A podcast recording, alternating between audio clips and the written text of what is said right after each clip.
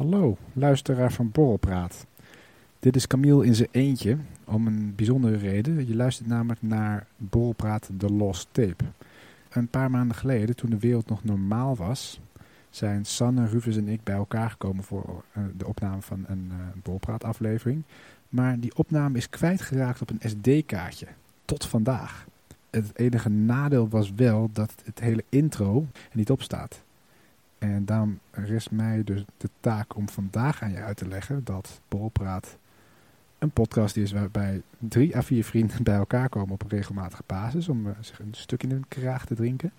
En elkaar dan te verrassen met interessante feitjes over allerlei onderwerpen. Die feitjes kun jij ook weer gebruiken om op feesten en partijen een goede sier te maken. Heb jij zo'n mooi feitje, dan kun je die delen via ons Instagram-account. Stuur ons een DM'tje, een direct message naar Borrelpraat. En wie weet kunnen we het als luisteraarsfeitje uh, behandelen in een van onze volgende afleveringen.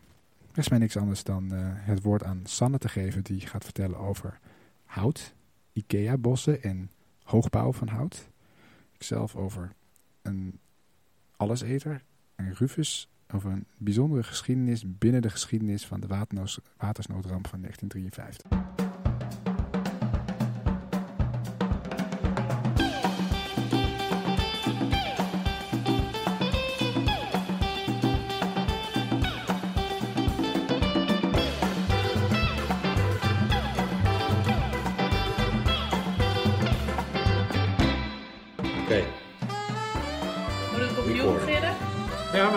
Deze week uh, gaat Sanne beginnen. En Sanne, wat voor feitje heb jij nou, op je sleeve? Het is geen feministisch feitje. Hmm. Het is een feitje over architectuur.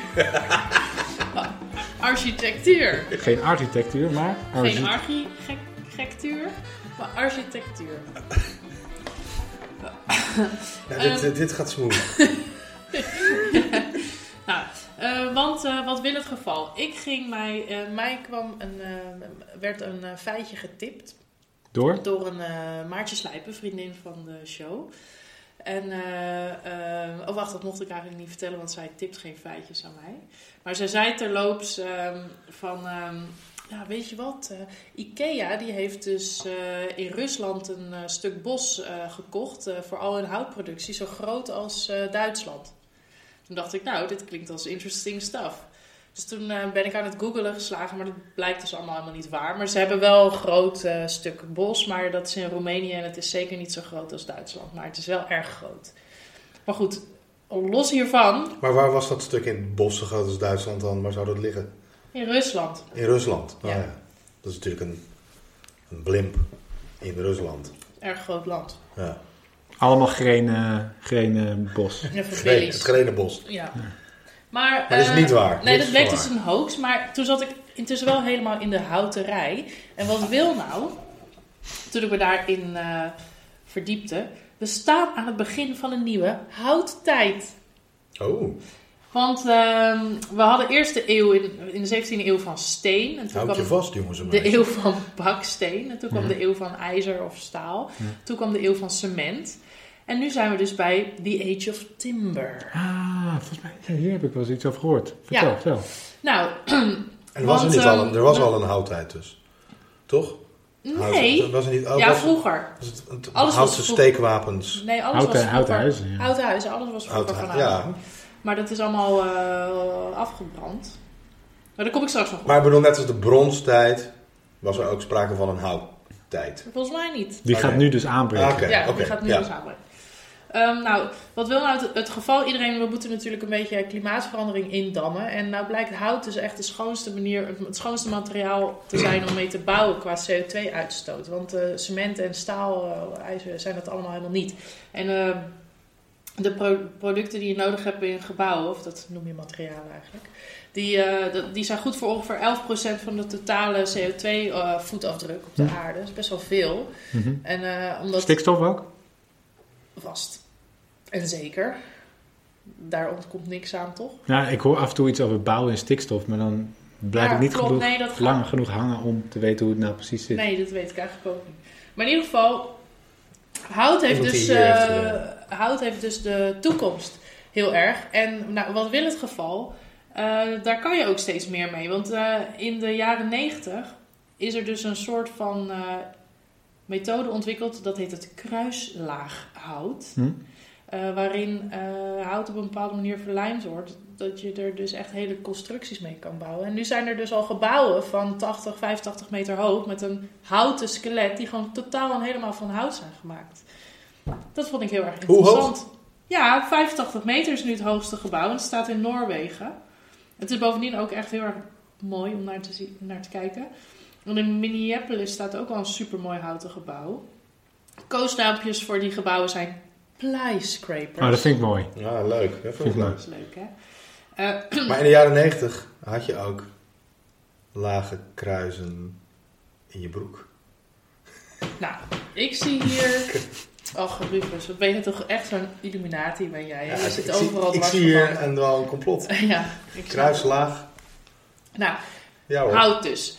Er zijn natuurlijk een paar sceptici. Heel veel eh, architecten die zijn al helemaal eh, om. Maar er zijn dus een paar, een paar sceptici. Want los van eh, heb je, moet er dus best wel wat bomen aangaan. Dus je moet er wel van uitgaan dat je dan productiebossen moet eh, planten en zo. En dat is wel een win-win situatie. Daar wordt die wel nemen dan weer de gewerkt, CO2 op. En nou, ehm, wat, eh, het hout moet wel... Je moet wel zorgen dat het...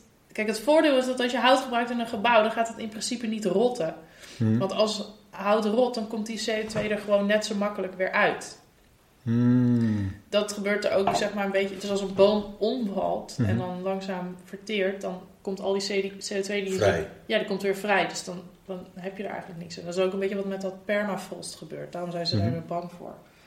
Dus, ehm, eh, ja, je, de- dus een van de maren is van ja, oké, als je dan op grote schaal hout gaat ge- gebruiken, dan moet je wel ook zorgen dat je het wel weer recycelt en zo. Dus je moet het wel onderhouden. Dat mag niet logisch. verteerd worden door de beestjes. Nee, dat mag niet. Maar als er een gebouw van is gemaakt, lijkt me dat ook niet zo Mag ik daar een feitje over een feitje in? eh, Ja, ja, kom, kom maar door.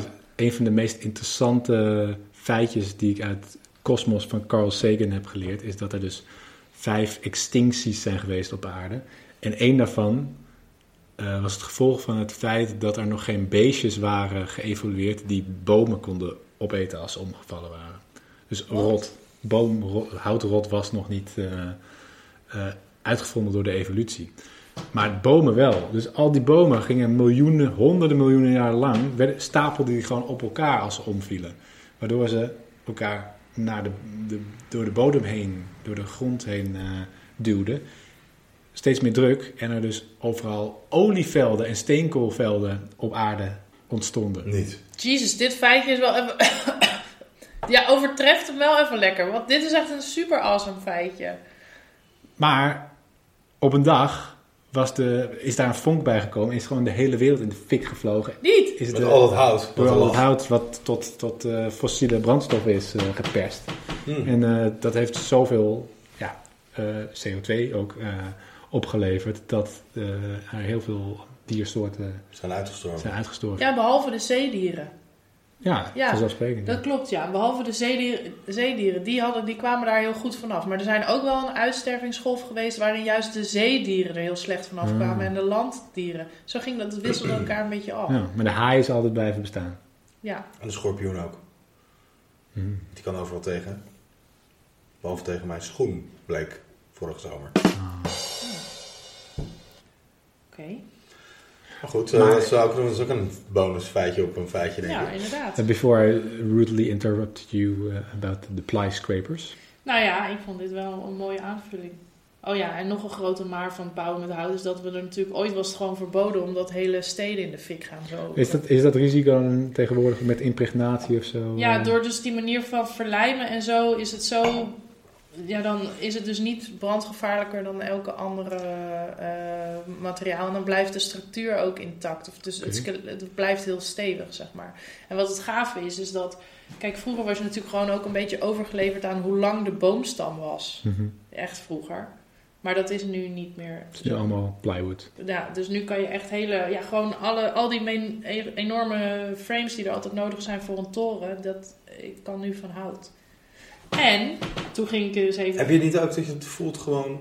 Er zijn ook voordelen, want het is veel lichter, dus je hoeft ook niet zo zwaar te heien en al die dingen. Het beweegt mee met de wind. Nou, dat is dan wel weer een nadeel, Oh, geloof ik. Het is echt lekker fle- flexibel.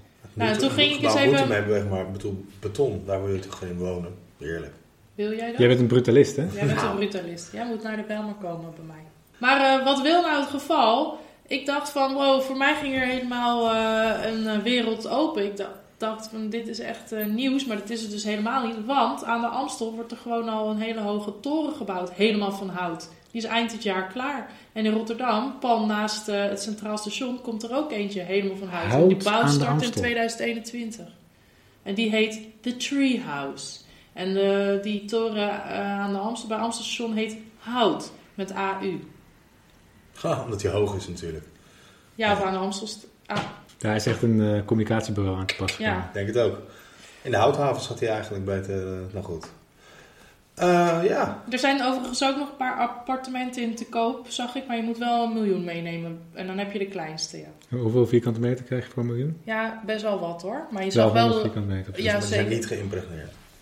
En, en, eh, maar het, je zat wel laag in de toren. Want als je wat hoger, was het 1,6.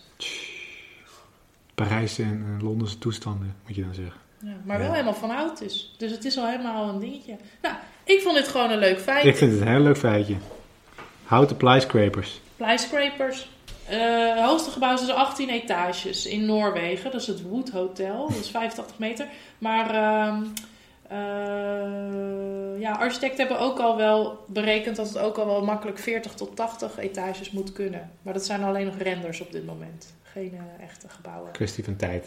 Maar dan worden ze toch niet eh, gemaakt van, als ze, als ze 40 etages zijn, dat betekent niet dat ze dus ook stukken hout van zo lang kunnen gebruiken, omdat ze het kunnen samenpersen.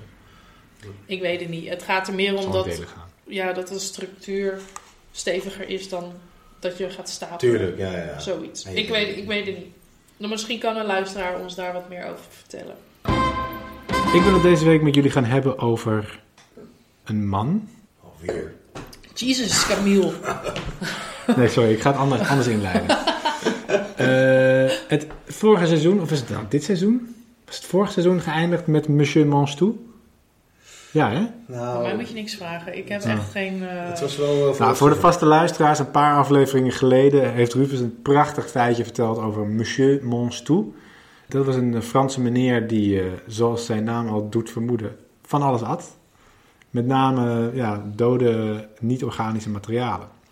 Maar een paar weken geleden kwam ik op het spoor van een vakgenoot van hem. Of een, eh, iemand die die passie voor het manchen van toe dingen eh, deelde. Eh 100 jaar eerder, of 150 jaar eerder zelfs. Maar dan vooral organisch materiaal. Het gaat hier over eh, een Victoriaans, een man uit de Victoriaanse tijd. Engeland hebben we het dan over. En hij heette eh, William Buckland. Als het een Victoriaanse tijd is, is het dan toch altijd per definitie Groot-Brittannië? Eh, ja, Want het is Queen Victoria toch geweest? dat is helemaal correct. Oké, Kan ook een van de koloniën zijn natuurlijk. Dat, zou, dat zou nog kunnen. Ja, net als Georgian en Georgian. en Edwardian. Edwardian. En Ja. Elizabethan is het dan nu? Leven, leven we nu in een Elizabethan Volgens mij wel. era? Ja. Binnenkort in een eh William, William-esque. William-esque? Nee, Charles eerst nog. Mhm. Of staan ze die denk je over gewoon helemaal? Die Britten zijn echt. Ik denk dat die man Charlesian. zelf niet is. Charlesian era. Denken jullie dat Charles er nog zin in heeft? Ik zou niet zo'n zin meer hebben. Nee, volgens mij is hij gewoon bezig met, eh, met eh, natuurpreservatie en ga- gaat hij zich daar nog de rest van zijn leven mee bezighouden. Maar ik zou als... Ik zou... Ja, nee, nou maar. William Buckland, geboren in 1784, eh, een, een pastoor en geoloog. Hij was zelfs ook de eerste geoloog die eh, eh, geologie gaf op Oxford, maar had een grote voorliefde voor al, alles wat leefde. Dieren in het bijzonder. En dat lief voorliefde liet hij nogal direct merken door ze op te eten. Nou, daar gaan we. De eh, anekdote die over hem te ronde gaat was dat hij tijdens een lezing aan zijn studenten vroeg: Ladies and gentlemen, of in die tijd, gentlemen, what rules the world? En dan konden ze, Girls! ja, dat, toen, daar konden ze toen nog geen antwoord op geven. En hij gaf daarom het antwoord eh, namens hen. Het was: The stomach, dear sirs. Stomachs rule the world. En daarmee bedoelt hij dat alles elkaar opeet. En dat eigenlijk ja, eh, elk elk, elk diersoort weer een ander diersoort opeet. En dat er allemaal één zijn, een non-duaal eh, Ja, een ecosysteem dus. e- ecosysteem. Ja. En hij wilde, door eetlust. en hij wilde daar heel centraal in staan. En heeft zich daarom een, het, het nobele doel gesteld om elke diersoort ter wereld te eten in zijn leven. Oei. Nou, Eh, dat is hem natuurlijk niet gelukt, maar hij is een heel eind gekomen. Ik kijken voel of een ik, heerlijke opzomming aan. Eh, kijken of ik een rijtje kan... Waar staat het rijtje? Mogen we dingen gokken? Wil Oh je het eh, verbazen? Zijn grootste, zijn grootste liefhebberij was eh, muizen op toast. Dat gaf hij ook zijn gasten als ze bij hem kwamen eten thuis. Maar als in vorm van pastei. Als hors d'oeuvre. Maar zag je, denk je dat, nog dat het een muisje was? Of was het meer een soort verwerkt in een Dat soort paté? staat in, niet in de overlevering. eh, ik denk dat het misschien een filetje, een filetje van muis. Ik kan me niet voorstellen dat je met huid en haar opeet, toch? Dat is goor. Daar ga- krijg je ballen van. Ja, Haarballen. ja. Uilenballen. Puppies, panters. Wat? Puppies? Waarom? Sander verslikt zich. hè? Waarom niet gewoon honden? Waarom staat er specifiek puppy? Ja. Wat is dit? Ja. Omdat die hij ooit een alfabetisch eh, eh, een alfa- alfabet heeft samengesteld van dieren die hij heeft gegeten. En bij de P staat porpoise, puppy en panther. En. Ook stond panda's, maar het zijn panthers.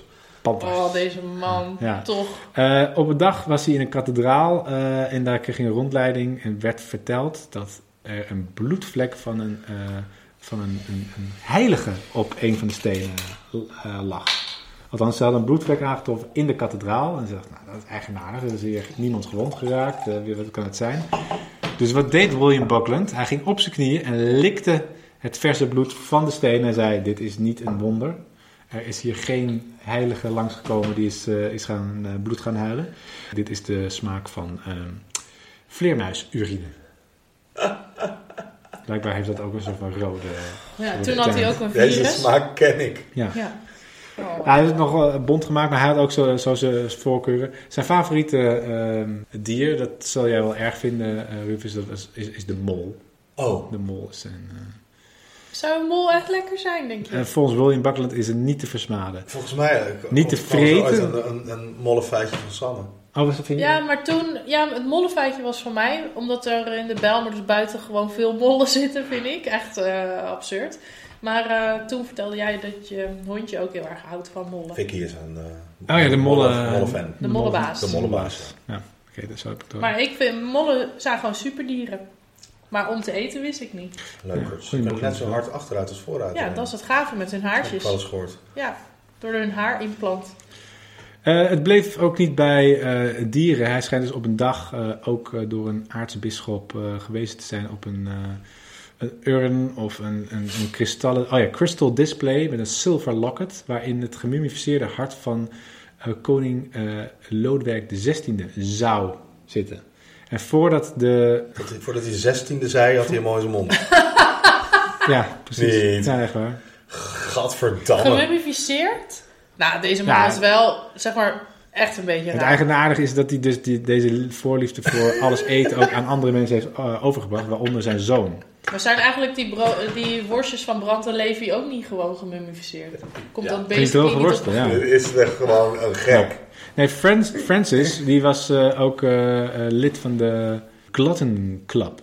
En dat was een club van Victoriaanse eh, mannen eh, in, in Londen, neem ik aan, die bij elkaar kwamen om eigenaardige soorten vlees te eten. Hmm. Maar daar zijn ze eh, eh, volgens de overlevering ook snel mee opgehouden toen ze een aantal verschillende roofvogels hebben gegeten die toch niet, eh, niet te, te kauwen waren. Nee, Een uil, te een als je ooit honger hebt en je bent in de natuur, schiet geen uil af, want die zijn niet te kauwen.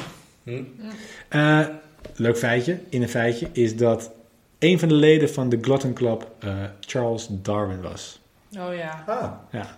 Die later eh, zijn, zijn eh, omnivore eh, gewoontes heeft meegenomen op de Beagle. En eh, het schijnt, volgens het dagboek ook, dat hij eh, gordeldieren heeft gegeten.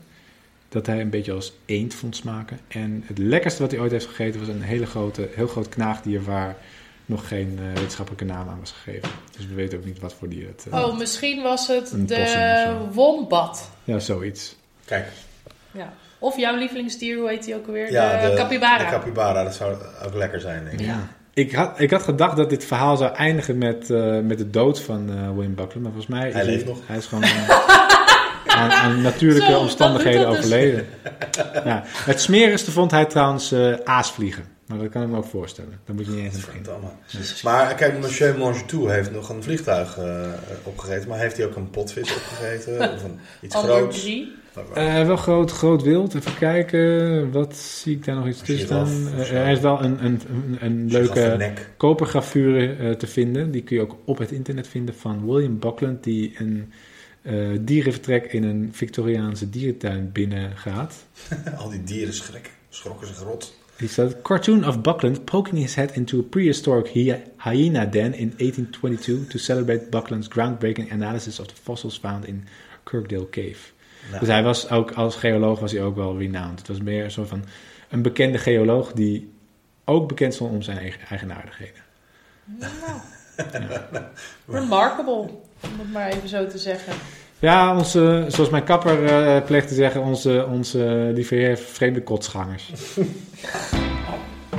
Zal ik dan eh, nu maar even mijn feitje doen, Jacques? Ik zou maar heel snel beginnen. Ehm, kennen jullie Arie Evengroen? Nee. Nee! Kennen jullie Jaap Vogelaar? Nee! Nee. Kennen jullie Johan van Veen? Ja! Nee. Nee. Eh, Toch nee. gemeenteraadslid in Amstelveen? Nee, fout. Kennen jullie Rutger Bregman? Ja. Ja, dat is die van de correspondent. Dat is die van de correspondent. En daar gaat eigenlijk dit hele feitje over. Het is gewoon uh, ruchtzichtloos gekopieerd feitje van ehm, eh, een publicatie die Rutger Bregman onlangs heeft eh, Waar heel Nederland het over heeft gehad. waar heel Nederland het over heeft gehad en wat heel Nederland ook moet, moet even tot zich moet nemen. Het, water, komt. Ja. Ehm, Ik heb het niet gelezen. nee, maar dat, dat is wel, kijk, daar, daarom heb ik hem ook even erbij gehaald. Het is het, om een lans te breken, om dat ding toch even te lezen. Dus behalve eh, eh, goed om te weten, is het ook een, eh, het leest het als spannend, spannend jongensboek je van 40 bladzijden. Die eh, op A6-formaat zijn verschenen. Want ik heb hem natuurlijk gedrukt eh, mogen ontvangen. Hoezo? Natuurlijk. Met een- Nou, omdat, anders, ik kan niet lezen van schermen, dan word ik helemaal. eh, dus je hebt hem uitgeprint. Nee, helemaal niet. Hij is ook verschenen in in een boekje. Oh, oké. Ja, maar op eh, FSC-papier. hoor. dus eh, Oké, goed. de zeespiegel is er nog maar een centimeter van gestegen. Ehm, Voor de luisteraar, als je gekraak hoort, is dat de tafel. Ik hoor gekraak. oh, dat is de tafel. Dat is dat, Ehm, ja, en mijn bankje. en, Heel en vervelend. het bankje. Nou goed, eh, ik zal even wat. Ik ga gewoon eh, eh, een beetje eh, citeren en parafraseren, want eh, het begint met de eh, watersnoodramp. Hè? En dan gaat het over: zag niemand dat aankomen? Jawel, Johan van Veen, ambtenaar bij Rijkswaterstaat, die eh, voorspelde de watersnoodramp 20 jaar lang. Oké. Dus elke dag liep je over straat en zei het water komt, het water Nou, het is wel een bijzondere figuur volgens mij, want eh, zijn, er werd dan ergens omschreven als eh, dat zijn collega's zeiden: Meneer Van Veen, eh, u bent uw sokken vergeten aan te trekken. Dat soort dingen. Hij was eh, een warrige figuur, dus. En dat was in die tijd een faux pas. En dat was een faux pas en dat, ging, dat nam heel erg van je eh, hè, eh, hipsters, eh, proto-hipsters. Luister even goed. Er was een tijd waarin geen sokken dragen gewoon heel je geloofwaardigheid eh, wegnam. Dus knoop dat even in je oren. Maar eh, hij had wel degelijk eh, iets eh, goeds te vertellen. Maar in een, een jaar van voor de watersnoodramp, in 52, eh, had hij nog in een interview met Elsevier gezegd... ja, dit kan in Nederland. Want ze begrijpen er niets van, hè, dat iemand dat zo lang al voorspelt. Maar dat hele interview is eh, eh, uit het blad geschrapt vanwege paniekzaaierij, vond het. eh, ja, vond het Ferry Hogendijk zei, dat gaan we niet plaatsen. dit, dit kunnen we niet eh, plaatsen. Nu goed, eh dus dan hè, klokkenluiders eh, moet, je- moet je eh, serieus nemen. Maar eh, dan werd er een soort van, eh, dan kom- komt er een verhaal. En dat vo- vond ik toch wel merkwaardig genoeg om even met jullie, en eh, daarmee bedoel ik niet alleen jullie twee, maar hè, jij daar aan de, met die Oordopjes in, die in, in je, Ja. in die, lekker in het treintje daar zitten, half vechten, suffen. Wakker worden, want ehm, wat gebeurde nou? 31 januari 1953, de nacht van de watersnoodramp. In Nieuwe Kerk aan de IJssel vond ik natuurlijk erg leuk om te horen. Het is een dorpje naast Capella aan de IJssel. Er is wel degelijk ineens wel iets gebeurd.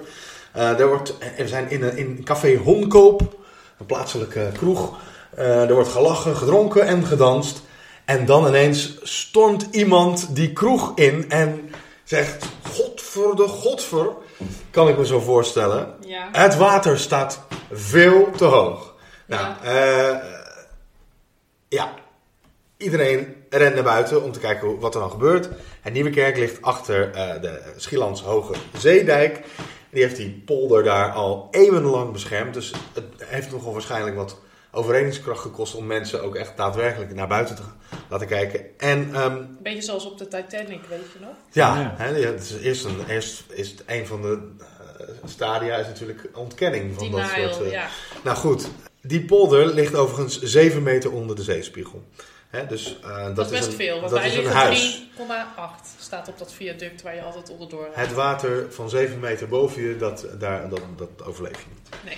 Ehm, en er wonen daarachter dus 3 miljoen, meer dan 3 miljoen mensen. Hè, dat die zo Zuid- Zuid-Holland zou je kunnen zeggen. Het mooie Zuid-Holland.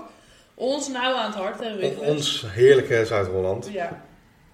Van Gouda tot Den Haag en van Rotterdam tot Leiden. Ja.